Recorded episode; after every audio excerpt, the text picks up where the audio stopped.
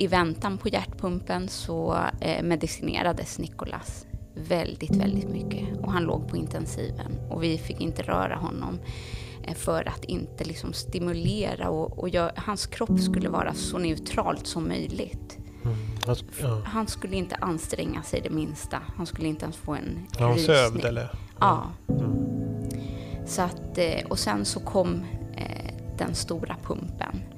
Eh, och då blev det dags för operation. Eh, och när han då är på väg till operationsrummet, till operationssalen, då märkte jag att, att alla var nervösa. Så då tänkte jag, okej men det här är jätteviktigt att han klarar sig dit.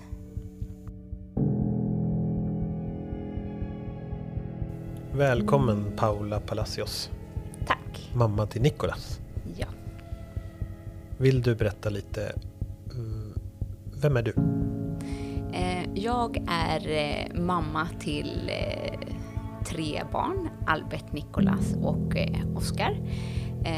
Bor i Stockholm på Södermalm och jobbar inom fintech.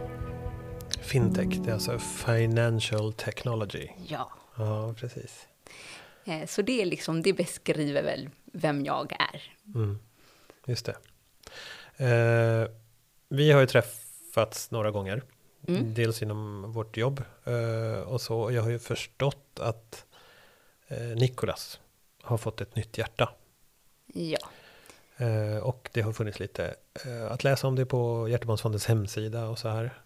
Men vill du berätta hur, hur, hur var det? Nikolas ditt första barn?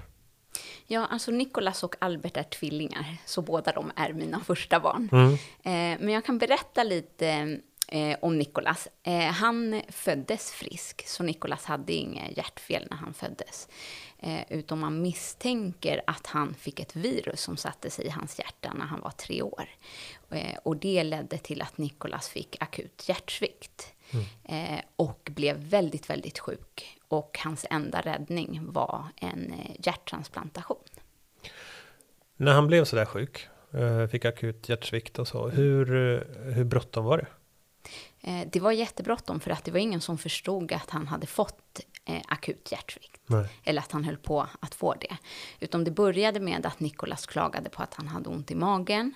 Eh, och vi tog honom till sjukhuset och fick ja, lavemang och ja, vi skulle testa olika metoder för att få igång hans mage. Mm.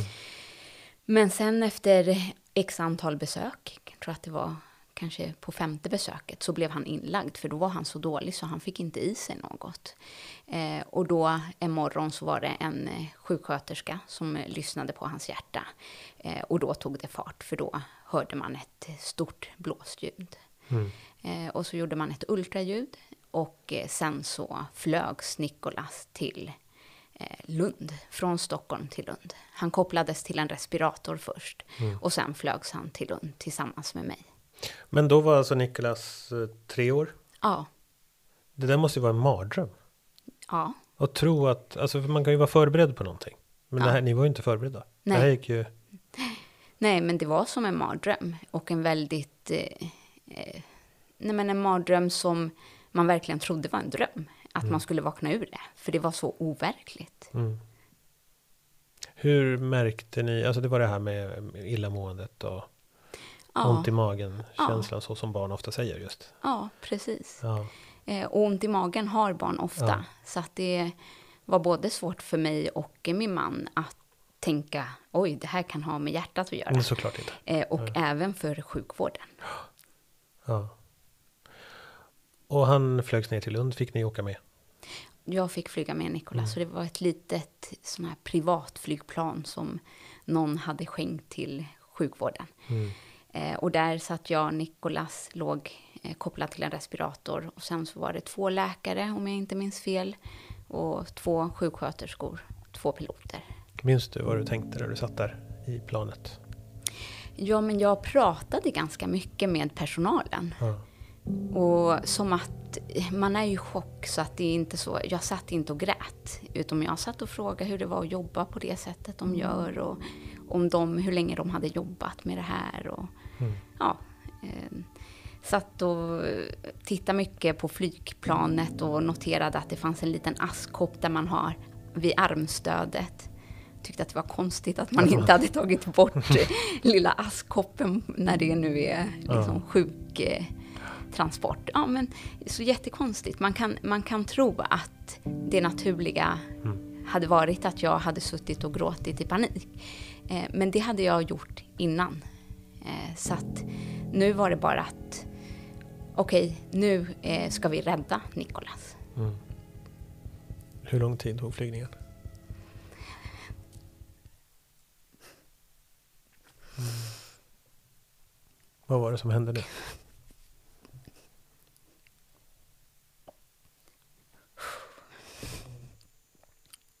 Så mycket känslor. Är det när du tänker tillbaks till ja. situationen? Eller? Det är alltid värst att prata om början. Ja. För det var så kritiskt och ja, han kunde ju verkligen, han var så nära döden. Mm. Men sen blir det ju bara bättre och bättre. Mm. Så då är det lättare att prata om det. Men hur lång tid flygresan tog vet jag inte. Mm. Det, jag tror inte, det kändes nog som att det tog längre tid än vad det faktiskt gjorde. Mm. Så även om, fast jag satt och pratade och eh, försökte normalisera situationen så, eh, så ville jag ju komma fram. Ja. ja, precis. Så när ni landar då? Ja. Står en ambulans och väntar eller? Precis. Ja. Och då ska Nikolas, eh, liksom, man ska bära ut hela den här transportsängen, in med den i en ambulans och sen med ambulansen då till eh, Skånes universitetssjukhus. Mm. Mm. Sprang ni? Eller går man eller hur mm. ser det ut? Det är stressigt. Ja. Man springer inte för att eh, Nikolas är ändå kopplad till en respirator och han ska vara så still som möjligt. Det minns jag att de sa och att jag inte skulle röra honom och så. Men eh, det är stressigt mm. eh, och saker går fort. Eh, men man springer inte. Är det någon som förklarar vad som händer för dig? Ja, det är det. Mm. I stort sett hela tiden faktiskt. Mm. Så är det någon som finns vid min sida och, eh, och förklarar och berättar vad nästa steg är. Mm. mm. Och sen då kommer ni fram till sjukhuset och kommer in på vilken avdelning är ni på då? Då kommer vi in på BIVA, barnintensivvårdsavdelningen. Ja. Eh, och där står det ett, eh, jag, tror, jag tror att den första jag träffade var Michal, som är då eh, kardiolog. Mm. Eh, och som blev en av Nikolas ansvariga eh, kardiologer. Eh, så honom träffade jag först. Mm. Och han sa, men det kommer nog att gå bra, något sånt. Jag kommer ihåg att han i alla fall eh, berättade att, eh, att eh, vi kommer koppla honom till en hjärtpump och eh, det kommer nog att lösa sig. Men, eh, eh, men sen så fick jag också reda på ganska tidigt att Nikolas hjärta nog inte kommer att återhämta sig, utom att hjärtpumpen är i väntan på ett nytt hjärta. Mm. Och vad för det för tankar i dig då? Det måste, det, hade du tänkt på hjärttransplantation innan? Nej, utom för mig så var det... Jag tyckte att det var konstigt. Jag kände att, att så här, nej men, jag tror att de har fel. Mm. Jag tror hans hjärta kommer att återhämta sig. För att om hjärtat har blivit dåligt och så kopplar man honom till en hjärtpump som avlastar hjärtat så borde ju hjärtat kunna återhämta sig. Kroppen är ju eh, liksom fantastisk och det har jag, är jag övertygad om att, att är man inte född med hjärtfel så borde det finnas väldigt goda förutsättningar för att återhämta sig. Kanske inte fullt ut, men att byta ut hjärtat helt. Mm. Det kändes väldigt overkligt.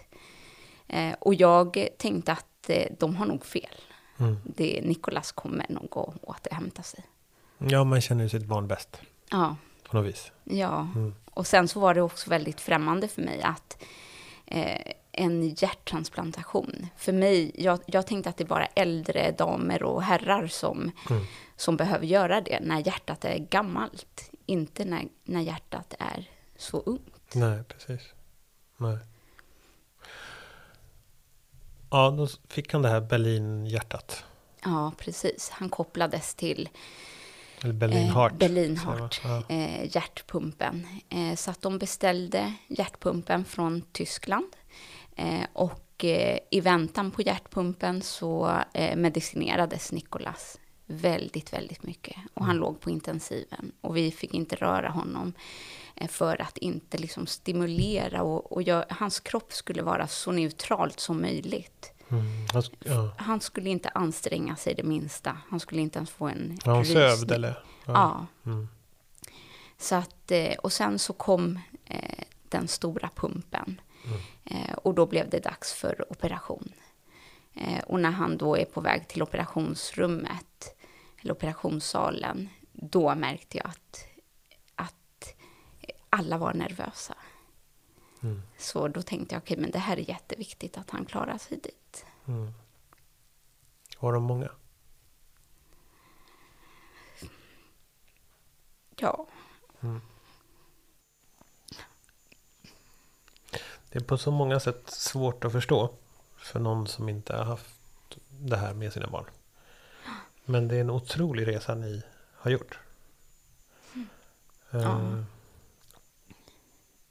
Och eh, och jag glömmer också bort. Så att det är därför sen när jag väl pratar om det, då blir man påmind om, Mm. om allt. mm, Så att det, vi, sen glömmer man och så lever man vidare och har sin vardag. Och, Mm. eh, och Nikolas, vi, han, vi hade ju tur. Han lever idag. Så att det... Eh, ja, fick ett lyckligt slut. mm, Och det är ju inte alla som får det. nej. För operationen där, då, då, vad gör man den operationen då? Då opererar man in det här, de här maskinkopplingarna så att säga. Ja, precis. Ehm, så att jag vet väl inga så här riktiga eh, specialdetaljer Nej. kring det. Men eh, man kopplar honom då eh, genom eh, slangar då, eh, kopplar hjärtat till den här pumpen. Mm. Som hjälper till så att blodet cirkulerar runt. Eh, Men att vara kopplad till en Berlin Heart betyder ju också att man löper stor risk varje dag. Eh, Det finns stora risker för att få en, eh, en eh, blodpropp. Och det finns också stora risker för att få inre blödningar. Så hela tiden behövde sjukvårdspersonalen medicinera Nikolas under tiden han hade sin hjärtpump med mediciner som gjorde att blodet skulle eh, vara tunt så att det inte blev en, en eh, blodpropp men också inte för tunt så att det inte skulle bli en inre blödning. Så det är hela tiden som att gå balansgång på en lina. Eh, att allt ska vara rätt. Eh, personalen ska tänka rätt, vilket kan vara svårt i vissa situationer. Eh, och vi som föräldrar skulle ta hand om Nikolas så, så gott vi kunde. Då. Mm. Förlåt, det här kanske är okunnig fråga. Hans lilla hjärta som inte funkade. Ja. I vilket skede liksom tar man ut det? Eller är det vid transplantationen? Eller? vid transplantationen. Ja. Så hans hjärta, som, det, var ju, det var inte noll funktion på Nej. hjärtat, men hans hjärta eh, fanns kvar i hans kropp och man kopplade Berlin Heart-pumpen till hans hjärta. Mm. Och sen då när Nikolas fick det nya hjärtat och genomförde hjärttransplantationen, då tog man bort hans, Mm. hans hjärta. Mm. Ja, det, det låter nästan som fiktion. Ja, det när gör man det. lyssnar på det. Ja. Efter operationen, han har fått Berlin Heart kopplad till sig, kom han till medvetande snart efter? Eller? Ja, eller han, eh, inte direkt efter, men eh, sen så får man veta att operationen har gått bra eh, och då får vi besöka BIVA och så får vi träffa Nikolas, men Mm. han är inte, han är fortfarande nersövd. Mm. Eh, och sen så för Nikolas del så medförde också pumpen vissa komplikationer. Så det var inte så att han vaknade och att vi förflyttades till barnhjärtmottagningen eh, och kunde börja gå till lekterapin. Utan det var en lång, lång resa för honom tillbaka. Eh, från att kunna öppna ögonen till att kunna börja äta igen och kunna gå. Mm. Så det är en jättelång process. Mm. Märkte du på hans liksom, kropp och så att han var liggandes? Alltså, Ja, absolut. Mm, Han var ju tunn som en pinne liksom. mm, mm. Ja. Hur länge var han då sövd efter det här? Jag kommer inte ihåg exakt, men han var det i några dagar tror jag. Mm. Hur kändes det när han vaknade? Nej, men det kändes bra. Eh, men samtidigt så är det så att det är inte så att barnet vaknar och är glad, utan de är ju ledsna och kanske har ont. De har genomgått en operation. Och eh, ja, det är mycket jobb. Det är då föräldrarnas jobb startar. Det är alltid såklart otroligt härligt när barnet vaknar. Men det, då börjar det intensiva arbetet med att finnas där och trösta och eh, bråka om mediciner och tjata om mat. Och, eh, ja, och det är liksom upp och ner. Det är ju en karusell. Ehm, hade ni något samtalsstöd där på stället? Ja, Som liksom coachar er hur ni ska göra? Eller? mm, inte coachade, men vi hade psykologsamtal Ja, eh, en gång i veckan För att bearbeta med vad man är med om kanske? för att bearbeta det som hade hänt. Precis. Hur kändes det att få det? För mig kändes det jättebra. Eh, för Vojti kan jag inte svara på, men jag tror att han också uppskattade det. Mm. Mm. Men jag tyckte att det kändes jättebra. Och jag såg fram emot mitt psykologsamtal. Det var så här, ja men då visste jag att näsdukar i bakfickan och fixa en, en stor kopp te, för nu kommer jag sätta mig och gråta. Få pysa ut lite? Ja. ja. Ja, för man måste vara duktig och stark däremellan. Ja, precis. Mm. Ja, absolut. Jag ville inte att Nikola skulle se mig svag. Nej. Men du hade din, eller Nikolas pappa och din man bredvid dig. Eh, pratade ni bara om det här under den här tiden? Ja, nästan. Mm. faktiskt. Det fanns inte så mycket tid att prata om annat eh, som man annars pratar om. Eh, hur går det på jobbet eller vem ska lämna, vem ska hämta, utan det var bara fokusera på Nikolas. Mm. Och de två andra, nej, jo, Mm. båda grabbarna fanns ju då, exakt. Hur, hur hade de det? Vad- Jag tycker ändå att de hade det bra i och med att vi fick till det här med förskola. De kunde gå till, till förskolan i Lund. Så för dem så blev det ändå att eh, ja, men rutiner är viktigt för barn. Det har jag lärt mig. Att har man inga rutiner så blir det kaos i vilken familj som helst. Spelar ingen roll om man har barn på sjukhus eller om man bor hemma. Eh, så att eh, vi skapade väldigt bra rutiner. Och eh, jag tycker att de hade det helt okej faktiskt. Mm. De var inte kanske så medvetna om exakt vad som De pågick. var ganska små också. Mm. Så att det, jag tänker bara man ger barn kärlek så brukar det, Mm. ja, det mesta bli bra. Sen då, efter Berlin Heart, eh, så tog det en tid Mm. innan ni visste, eller satt, när sattes han på det här urgent call-listan? Ja, nej men på den tiden som Nikolas väntade på ett hjärta så var eh, barnet som var i behov av ett nytt hjärta eh, skulle ha då hjärtpumpen i ett år. Och sen eh, Mm. skrevs barnet upp på urgent call. Ja, så efter ett år skrevs man upp Ja. på akutlistan så att säga. Ja, idag så är, finns det andra regler. Idag så skrivs barnet upp på urgent call efter tre månader med hjärtpumpen. Mm. Så det är ju jätte, jättestor skillnad Mm. såklart. Eh, Så att när vi ja, hade passerat året så skrevs han upp på urgent call. Hur lång tid tog, tog det sen då? Ja, men sen så tog det inte så jättelång tid. Vi brukar vara lite så här hemlighetsfulla med datum Mm. och hur många dagar eller veckor eller eh, för att eh, respektera eh, givaren. Ja, för att inte man ska börja identifiera vem, Ja. vem det är. Ja, Ja. precis. Men efter ett år så ungefär Mm. så fick ju Nikolas då ett, ett nytt hjärta. Mm. När ni fick reda på att han skulle byta hjärta förstår jag känslan var omvälvande och Mm. märklig. Overkligt kan jag tänka mig. Eh, när ni sen fick reda på att det, det fanns ett hjärta Mm. att tillgå kan jag tänka mig Mm. Att det också är overkligt. Ja, alltså jag kan berätta först att så här, efter att han kopplades till pumpen Ja. så började ju, om vi ska liksom sammanfatta det lite, så började den här långa väntan. Och det som är frustrerande i en sån väntan, det är att det finns ingen medicin som kan rädda honom. Det finns ingen hjärtoperation som kan rädda honom. Det finns ingen, ja, det finns ingenting som kan rädda honom förutom en sak. Och det är att när ett barn går bort, att vårdnadshavarna säger ja till organdonation. Mm. Så att, och barn går bort. Ehm, vilket såklart är jättetragiskt.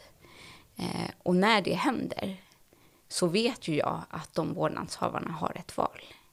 Så att under hela den här väntan så hoppas man på att de, någon ska säga ja. Mm. Mm. Och ni fick vänta ganska länge ändå. Eh, Hur, hur mycket... Du är ju väldigt förändringsbenägen. Blev, började det växa i dig att du vill, det här vill du påverka? Ehm, Vill du få folk att förstå vikten av liksom, donation? Eller? Ja, eller jag tyckte att jag hade förstått det, det ganska tidigt i alla Ja. fall. För jag var ju registrerad som donator från den tiden som jag eh, studerade på Ja. universitetet. Eh, men eh, min man till exempel, han var ju inte... För honom var det inte självklart att eh, donera. Så vad som hände var ju att jag började förstå att alla tänker olika.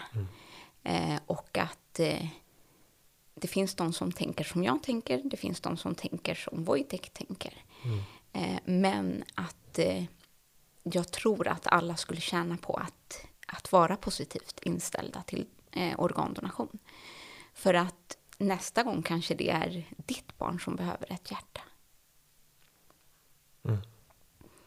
Men eh, så då filade jag väl lite på vad man skulle kunna göra för att lyfta frågan och uppmärksamma. Mm. Men eh, ja, det, det liksom var tankar som kom och gick. Mm. Man Man, kan ska hitta kraft att göra det också, Ja, mitt i allt. precis. Ja. Så man kan väl säga att mitt riktiga engagemang startade ju efter att Nicolas hade fått Mm. eh, sitt nya hjärta. Mm.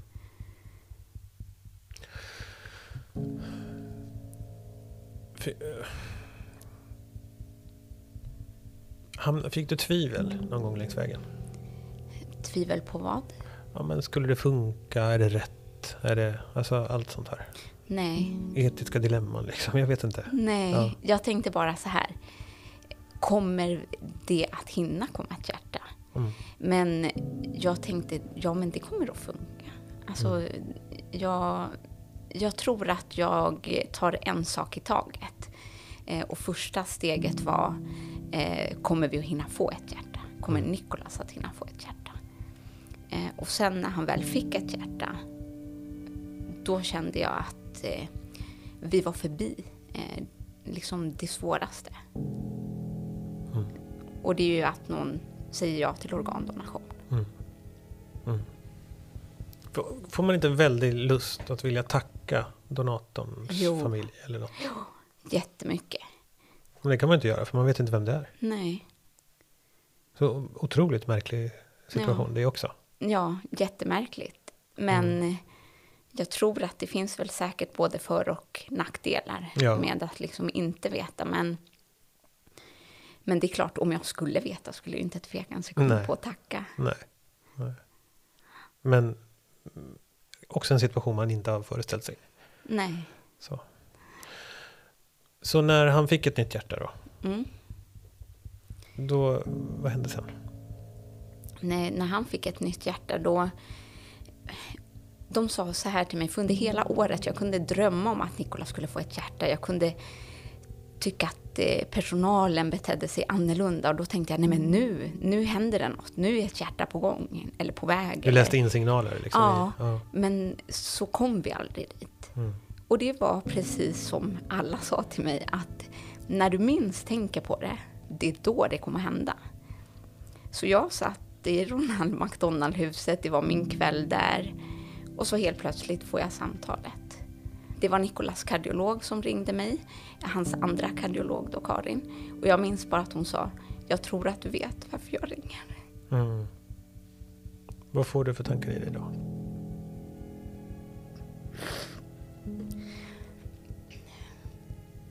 Blev du rädd någonting? Av ett sånt samtal? Nej. Nej. Du hann aldrig tänka att nu har något hänt eller sådär?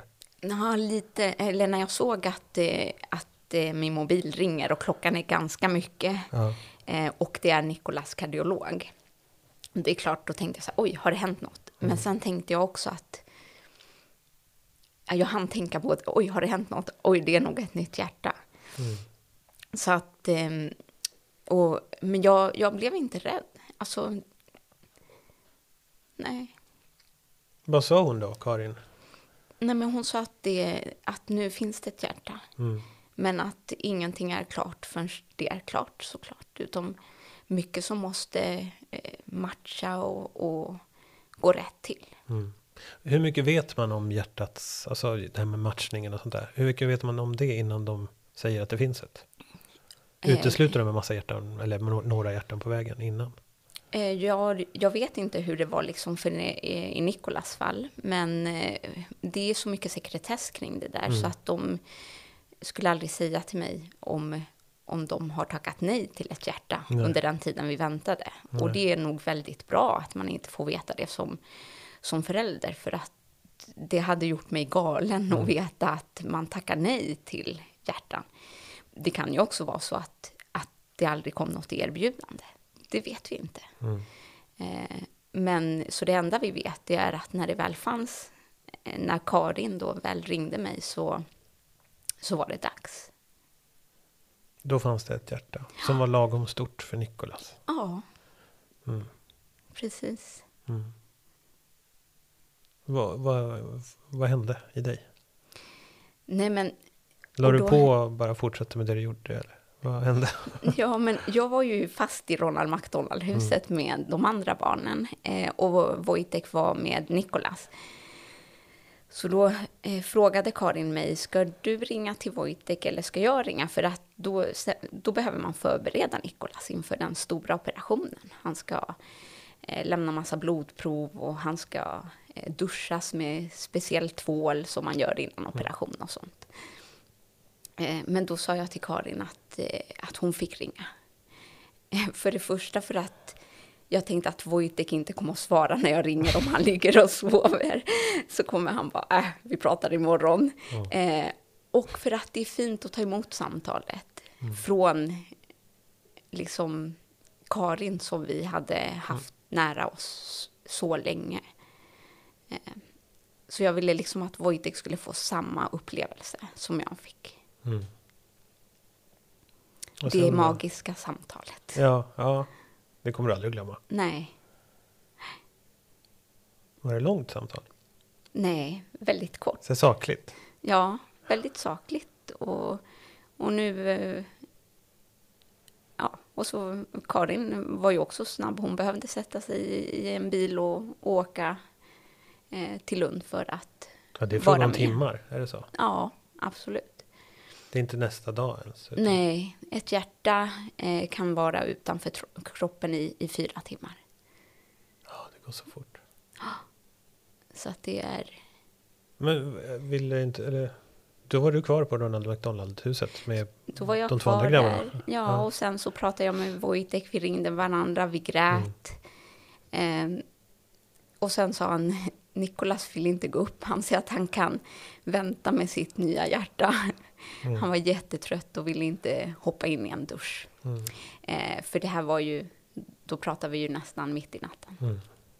Eh, och sen så, eh, nej, sen skulle ju han eh, genomföra sin transplantation. Jag gick och lämnade Albert och eh, Oskar på förskolan.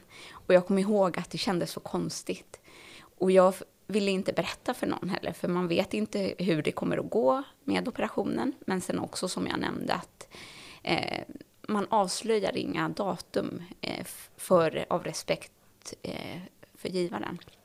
Och, eh, så jag lämnar in barnen på förskolan och träffar personalen som säger hej, hur är det idag? Nej men det är bara bra. Och så Ja, har liksom man den här ja. stora hemligheten innanför, liksom i kroppen. Mm. Och sen så träffar jag Wojtek och vi, vi, vi jag tänkte att så här, det första vi gör när jag har Vojte kan vara själva utan att behöva vara på sjukhuset. Det är ju att vi gör något, att vi går ut och äter en lunch eller ja, eh, går på en promenad. Men efter ett tag var vi så vana att vara på sjukhuset så det blev ju vår trygga punkt. Liksom, eh, och då när Nikolas genomförde operationen så satt vi på sjukhuset. Tror det eller ej. Vad satt ni då? Gick Då ni? satt vi i köket och På BIVA? Nej? nej, då var vi på hjärtavdelningen. Ja. Och alla visste ju vad, vad som hade hänt, att, att Nikolas hade, hade fått ett hjärta nu. Så vi pratade mycket med personalen och eh, när vi låg på sjukhus också, när vi bodde där, det var ju under coronan, under pandemin. Så vi hade besöksförbud. Så vi hade ingen familj vi kunde ha där eller så. Så att eh, sjukhuspersonalen blev vår familj Mm. och våra vänner. Så det var dem vi liksom ville prata med. Mm. Och där hade, kunde vi ju prata öppet i och med att ja, de, de var ju en i teamet, Mm. liksom, några i teamet. Ja, de var vana vid frågan också. Ja. Liksom. Ja. Ja, så att det, men eh, ja, så jag kommer ihåg att vi, att vi var där och att någon frågade Wojtek hur känns det? Och då sa han att det kändes som när, när jag födde Nikolas. Ja. Mm. Så man får födas igen. Mm. Jag, jag tror jag aldrig har varit så här känslig. Men det är väl inte så konstigt. Det är en otrolig resa ni har gjort. En helt otrolig. Ja. Men jag tänker så många intervjuer jag har ställt upp på. Och, eh, men nu blir det lite ja, känsligt. Vi är jätteglada att du vill berätta. Det betyder nog jättemycket för många. Dels kanske lyssnar i efterhand och eh, står framför det här. Ja. Eller kanske också gått igenom och behöver sätta ord på upplevelser och sådär. Ja. Och så för oss som på något vis lyckligtvis inte har drabbats av det här. Eh, men som eh, försöker förstå. Och försöker förstå kanske också varför organdonation är viktigt och så vidare. Eh, och hur det går till. För jag tänker också att jag minns från eh, 90-talet Mm. Eller 00-talet början. Jag kommer inte ihåg riktigt. Men man fyllde i någon slags organdonationskort. ja, precis. Och så fick man skriva vad man inte ville donera om det var något man inte ville donera. Ja, Och då gick det någon trend, kommer jag ihåg, bland mina vänner. okej. För någon hade bestämt sagt på någon lunch eller fika att "Nej, mina ögon vill jag inte donera. För tänk om min släkt ser någon med mina ögon.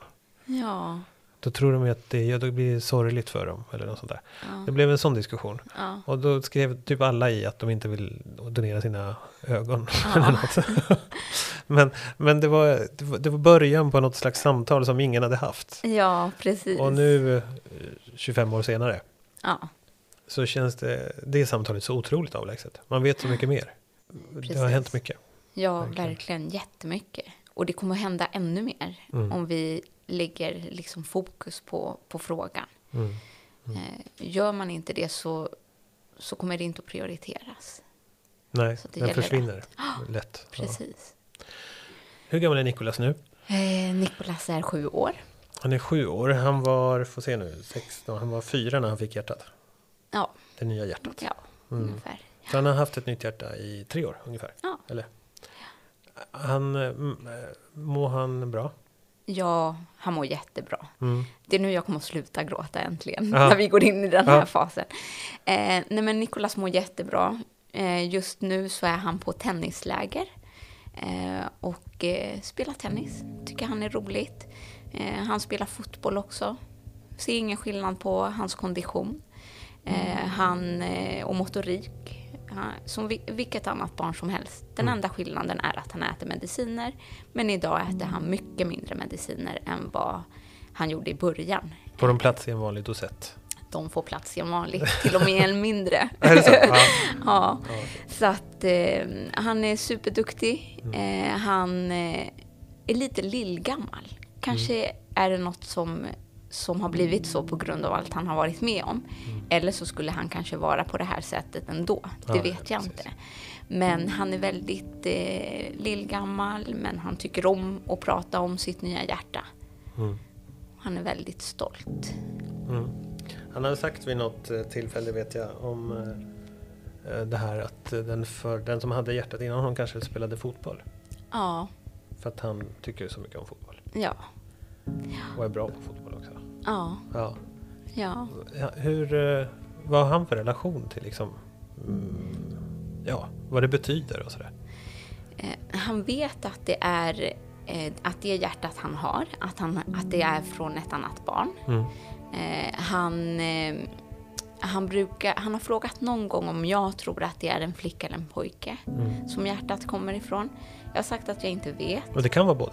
Ja, Eller hur? absolut. Det är inte Ja, något som hindrar absolut. att en flicka ger till en pojke? Nej, nej, nej. nej. Så att, ehm, eh, så det, men den frågan har, har han bara ställt en gång. Jag tror inte riktigt det spelar någon roll för honom om det är ett hjärta från en flicka eller en Nej. pojke. Eh, men han, han har också frågat om jag vet vem Mm. det är. Mm. Ehm, men sen så framför allt så, så, så fort han, det händer honom något bra eller, eller han är duktig på något så kopplar han det till sitt nya hjärta. Och det tycker jag är jättefint. Mm. Mm. Han tillskriver lite egenskaper till Ja. hjärtat. Ja, vad fint. Ja. Och han vet att om inte han hade fått ett nytt hjärta så hade han dött. Mm. Det vet han. Mm. Blir han ledsen när han tänker så? Eller blir det Eh, abstrakt? nej, så? nej, och han går, igenom, han går också igenom olika liksom, eh, faser i, i livet. Och, Mm. och det kan hända att han, när han blir äldre, att han blir mer ledsen eller, Mm. eller börjar fundera på det här mer. Men det jag har märkt är att han nu senast på sin iPad, eh, när man har den här första bilden, Mm. liksom när man öppnar upp, då har han bytt bilder. Från att ha en bild på när han var liksom frisk innan han, eh, han fick hjärtsvikt till att ha en bild när han eh, transporteras in i ambulansflygplanet. Jaha. Mm. Ja. Och då frågar honom om, om han blir, eller varför han har bilden, om han blir, inte blir ledsen. Han tittar ju på sin iPad ganska ofta så att, och ser den bilden eh, varje dag. Men då har han bara svarat att han tycker att det påminner honom om att han är frisk nu. Helt otroligt. Ja, Jag har ju träffat honom. Det är ju en fantastisk liten kille. ja, Eh, Det är ingen som, som säger till mig att han har opererats för varken hjärtfel eller bytt hjärta. Liksom. nej. Det märks ju inte på någon någonstans. Så att eh, det, är, det ger en, ska man säga, tröst att tänka hur, hur utvecklingen går och hur bra det kan gå. Ja, ja verkligen. Mm. Nej, så att han, jag tror att, och Nicolas är också väldigt stolt över det engagemanget som både jag och han har efter att han har fått ett nytt hjärta. Ehm, organisationen som nu är en förening under Hjärtebarnsfonden för Mm. alla barn på listan. Det, Nicolas ser det lite som att det är hans. Mm.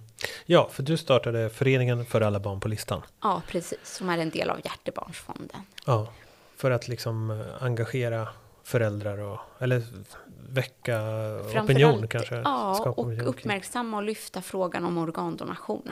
Eh, och på ett, på ett liksom, inte så här faktamässigt sätt, utan mer på ett känslomässigt sätt Mm. visa och nå ut med vad, vad hjärttransplantation gör. Att eh, organdonation Mm. eh, räddar liv. Mm. Eh, och att det är viktigt att vi tar ett gemensamt ansvar för frågan i och med att vi i Sverige har eh, ett eget val. Vi kan ta ett eget beslut kring om vi vill donera eller inte. Mm. Och då eh, har det för mig blivit viktigt att uppmärksamma samhället om vad, vad ett posit- en positiv inställning till organdonation gör. Mm. Vad det kan resultera i. Mm. Och det resulterar i att till exempel barn då som Nikolas kan leva vidare och ha väldigt bra liv.